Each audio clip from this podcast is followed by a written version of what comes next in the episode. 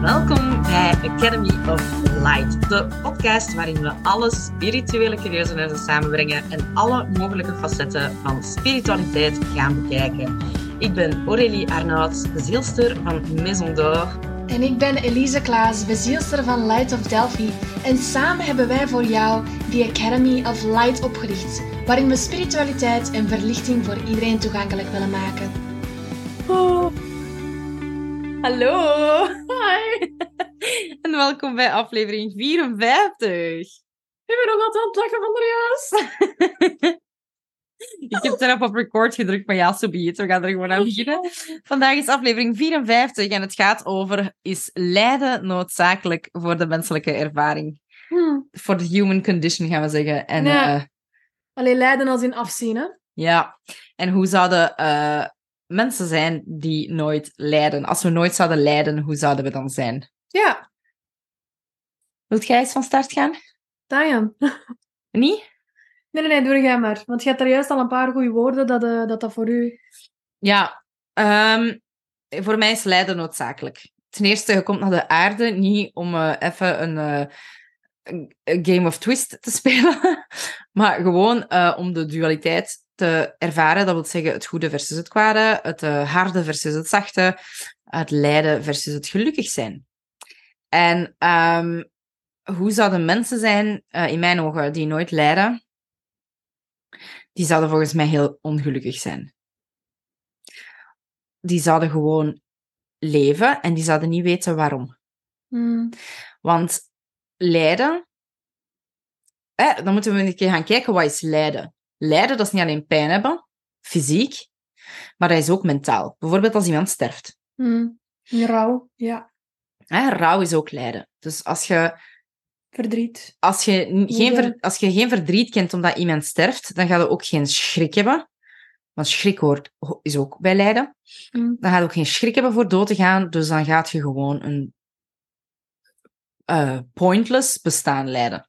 Ja, en ik zie ook wel dat heel veel dingen in het lichaam hoort ook wel met een spectrum samen. Dus je hebt bijvoorbeeld overweldiging en overvloed. Volgens je lichaam is dat exact hetzelfde.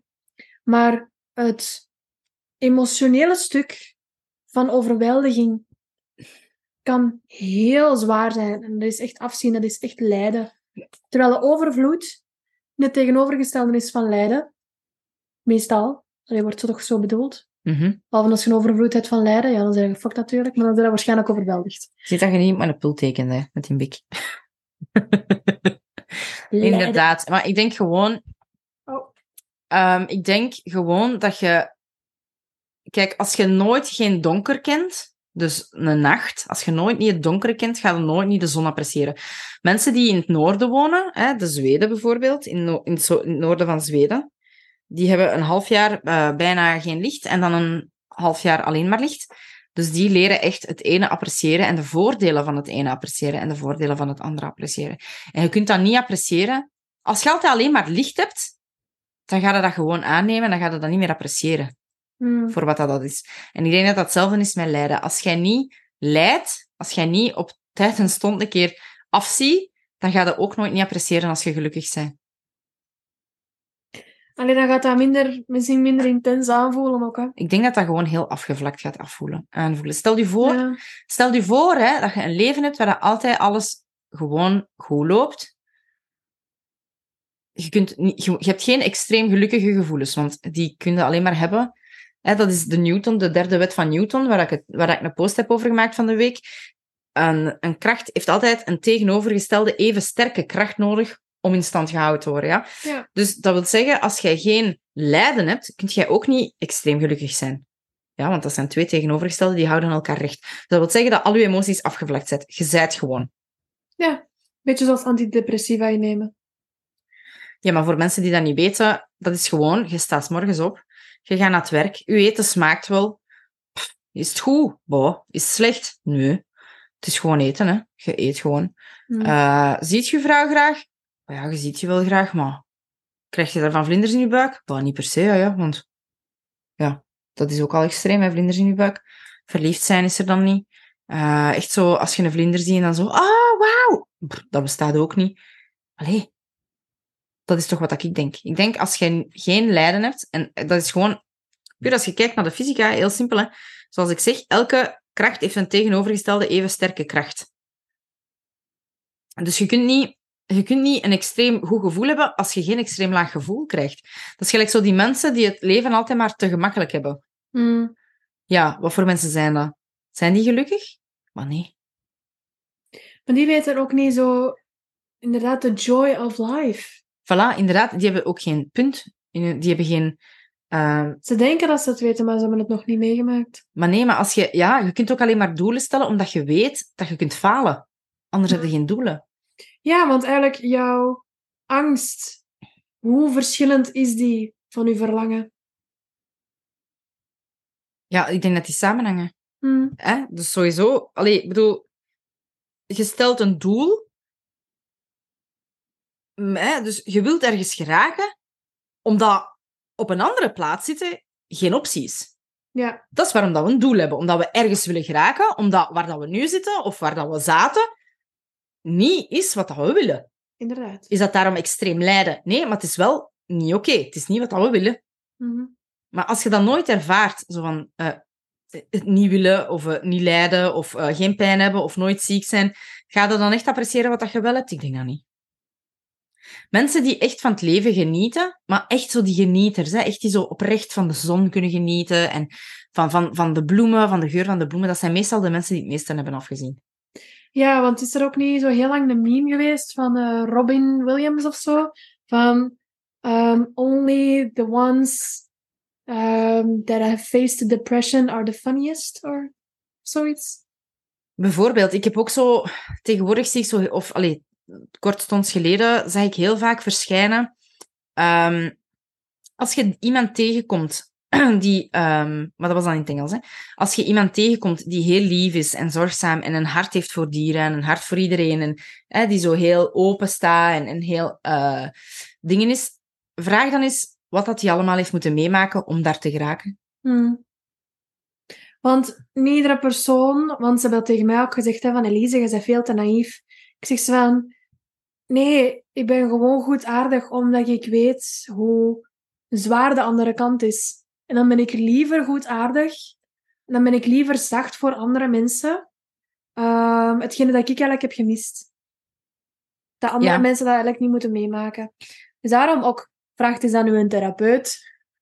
Waarom dat je, wat heeft hij meegemaakt om therapeut te zijn? Aha. Ja, maar dat is zo, hè. Ja, de mensen die... Dat, dat, dat, dat is gewoon zo. De, de, ik, denk, ja, ik denk dat dat gewoon puur zo is. Dat is echt waar. De mensen die, die het vrolijkste zijn en het positiefste ingesteld zijn, maar echt oprecht, niet zo gefaked, maar zo echt, echt, een le allee, zo echt genieten. Vraag eens wat dat die allemaal niet hebben meegemaakt om daar te geraken. Maar hetzelfde met mensen dat bijvoorbeeld anderen eh, hebben unalived, om het zo te zeggen. Ja, we mogen dat woord niet gebruiken, want anders worden we misschien zo gecanceld of zo. hè. Zeg het eens in mijn oor. Ah, als je iemand hebt doodgedaan. Ja, Gaan we daarvoor... zelfs dat, dat mag niet gezegd worden en zo. Ah, ja, fuck. Ja, dan zijn we... Ja, sorry, ja. Dus, Het is mijn podcast, jong. Ik beslis wat ik zeg. Ik heb niet gezegd Ah, dat we, we iemand... hebben onze podcast. Ja, maar ik, we hebben niet gezegd dat we iemand gaan dooddoen. Hè. We hebben het gewoon over moordenaars. Sorry, maar als ik mag kijken naar mijn Crime Daily, Hmm, dan mogen wij zeggen iemand dooddoen. fijn. Oké? Allee, ja. Nog iets. Crime Daily. How fucked up must you be als dat u kalmeert? Ik ben ook niet even, ik ben ook niet even zacht. Hè? Ja, ik bijvoorbeeld, om Dat het, dus- zo, om het zo te spiegelen, ik ben verslaafd aan triggers. Ik zoek ze op, zodat ik die pijn terug En kan leiden. lokt ze uit. Ja, ik zoek ze op en ik lok ze uit voor ze Ja, terug te voelen. Oké, kijk. Ik kijk gewoon graag naar daily crime, ja. Eh, mensen die entitled zijn en worden tegengehouden door de politie. Of eh, van die keivoze crime cases waar dat van alles en nog wat degoutant in gebeurt. Hmm. Ik- Ik vind dat perfect om mijn gedachten af te zetten. Maar ik had dat ook wel met, met Sherlock Holmes, Elementary en zo. Maar ik dacht dan ook zo van... Of, eh, of wie was het? Oh, de Joker. Ik was vroeger smoor verliefd op Heath Ledger Joker. Oh. Oh my god. En ik had dan ook zo gedacht zo van, ah, laat iemand zoals de Joker of een andere sociopaat of, of psychopath of zo mij redden uit deze situatie. Dan zal ik wel hun persoonlijke Harley Quinn zijn, because I'm that fucked up. Eh, ja, en ik heb heel lang ook zo precies zo'n mensen aangetrokken dat er eigenlijk wel van die trekjes ervan hebben. Hè? Maar wat heeft dat te maken met ons topic van vandaag? Afzien is noodzakelijk. Nee, maar kijk, ik denk dat het een korte aflevering gaat zijn. Maar het is gewoon, volgens mij, kun je niet echt geluk ervaren als je niet echt ongelukkig bent geweest. Ja. Maar je, moet, dat- er dan, je je- moet er dan ook wel kunnen uitgaan, kunnen uit dat lijden gaan, want anders ga je ook absoluut geen geluk ervaren. Hè? Ja, ja. ja. Oké, ja, als je zo... Ja, jij hebt het over eh, zo van die eh, martelaars of zo van die zo zelfsmartel... Toppers. Van die slachtofferrolletjes. Ja, sorry, maar ja... ja dat- die kan ik niet helpen, hè. Oh, ja. Pff, Sorry, maar als je een slachtofferrol bent, dan eh, moet je deze podcast niet luisteren, want dan is dat niks voor u. Daar zit er niks aan. Hmm, Zo simpel is het. Dan luister je maar gewoon naar de volgende of zo. Ehm, ja, wacht, maar dat is toch zo... hmm. Ja. Nee, maar inderdaad, het dingen van afzien en lijden is alleen, is inderdaad noodzakelijk, lijkt ons, voor ehm, een menselijke ervaring te hebben gehad, een volwaardige menselijke ervaring te hebben gehad, omdat je dan inderdaad eh, de beide polariteiten, de beide eh, dualiteit eigenlijk een beetje kunt eh, zien en, en daarin kunt zeggen van oké, ik heb het ene meegemaakt, maar nu ook het andere meegemaakt. Dus dan weet je bewust dat je misschien meer naar die positieve kant of meer naar de lichtkant wilt neigen, of eerder naar de duistere kant wilt, wilt neigen, omdat je dan beide kanten hebt meegemaakt. En voor de ene is de ene comfortabel, eh, en voor de andere eh, de andere kant. Maar wat is comfortabel, wat is veilig, is lijden net comfortabel. Ehm, zoals dan crime documentaries kijken of, of triggers opzoeken of zo. Is dat omdat we lijden comfortabel vinden? Hoort dat dan bij onze menselijke ervaring? Of is dat net slachtofferrol dat we net exact en extra proberen te uiten en te omarmen, omdat we die pijn moeten voelen? Om ook die geluk te ervaren. Ja, nu, als je ons als voorbeeld neemt, hè, eh, crime-watching en triggers... eh alhoewel, triggers uitlokken vind ik nog net iets anders. Maar ehm crime-watchen, dat is 15 minuten. Mm. En dan ben ik gewoon weer terug mezelf, snap je? Mhm. Dat gaat niet ervoor zorgen dat mijn realiteit anders is. Terwijl triggers opzoeken en echt dingen, dan gaat je echt bewust jezelf laten leiden. Ik ga mijn eigen niet Mm. laten leiden door, door die... die allee, snap je? Ik ga niet... Nee, maar mijn vorm van lijden is bijna even sterk als mensen dat bijvoorbeeld eh, zichzelf pijnigen, omdat we nu toch over moord en zo bezig zijn, kunnen we ook over dat andere bezig zijn dan. Dat ze zichzelf eigenlijk pijnigen voor dan te kunnen lijden, maar ik doe dat mentaal. Misschien gaan we wel een triggerwarning op deze zetten. Ja. Dan zijn we gewoon in orde.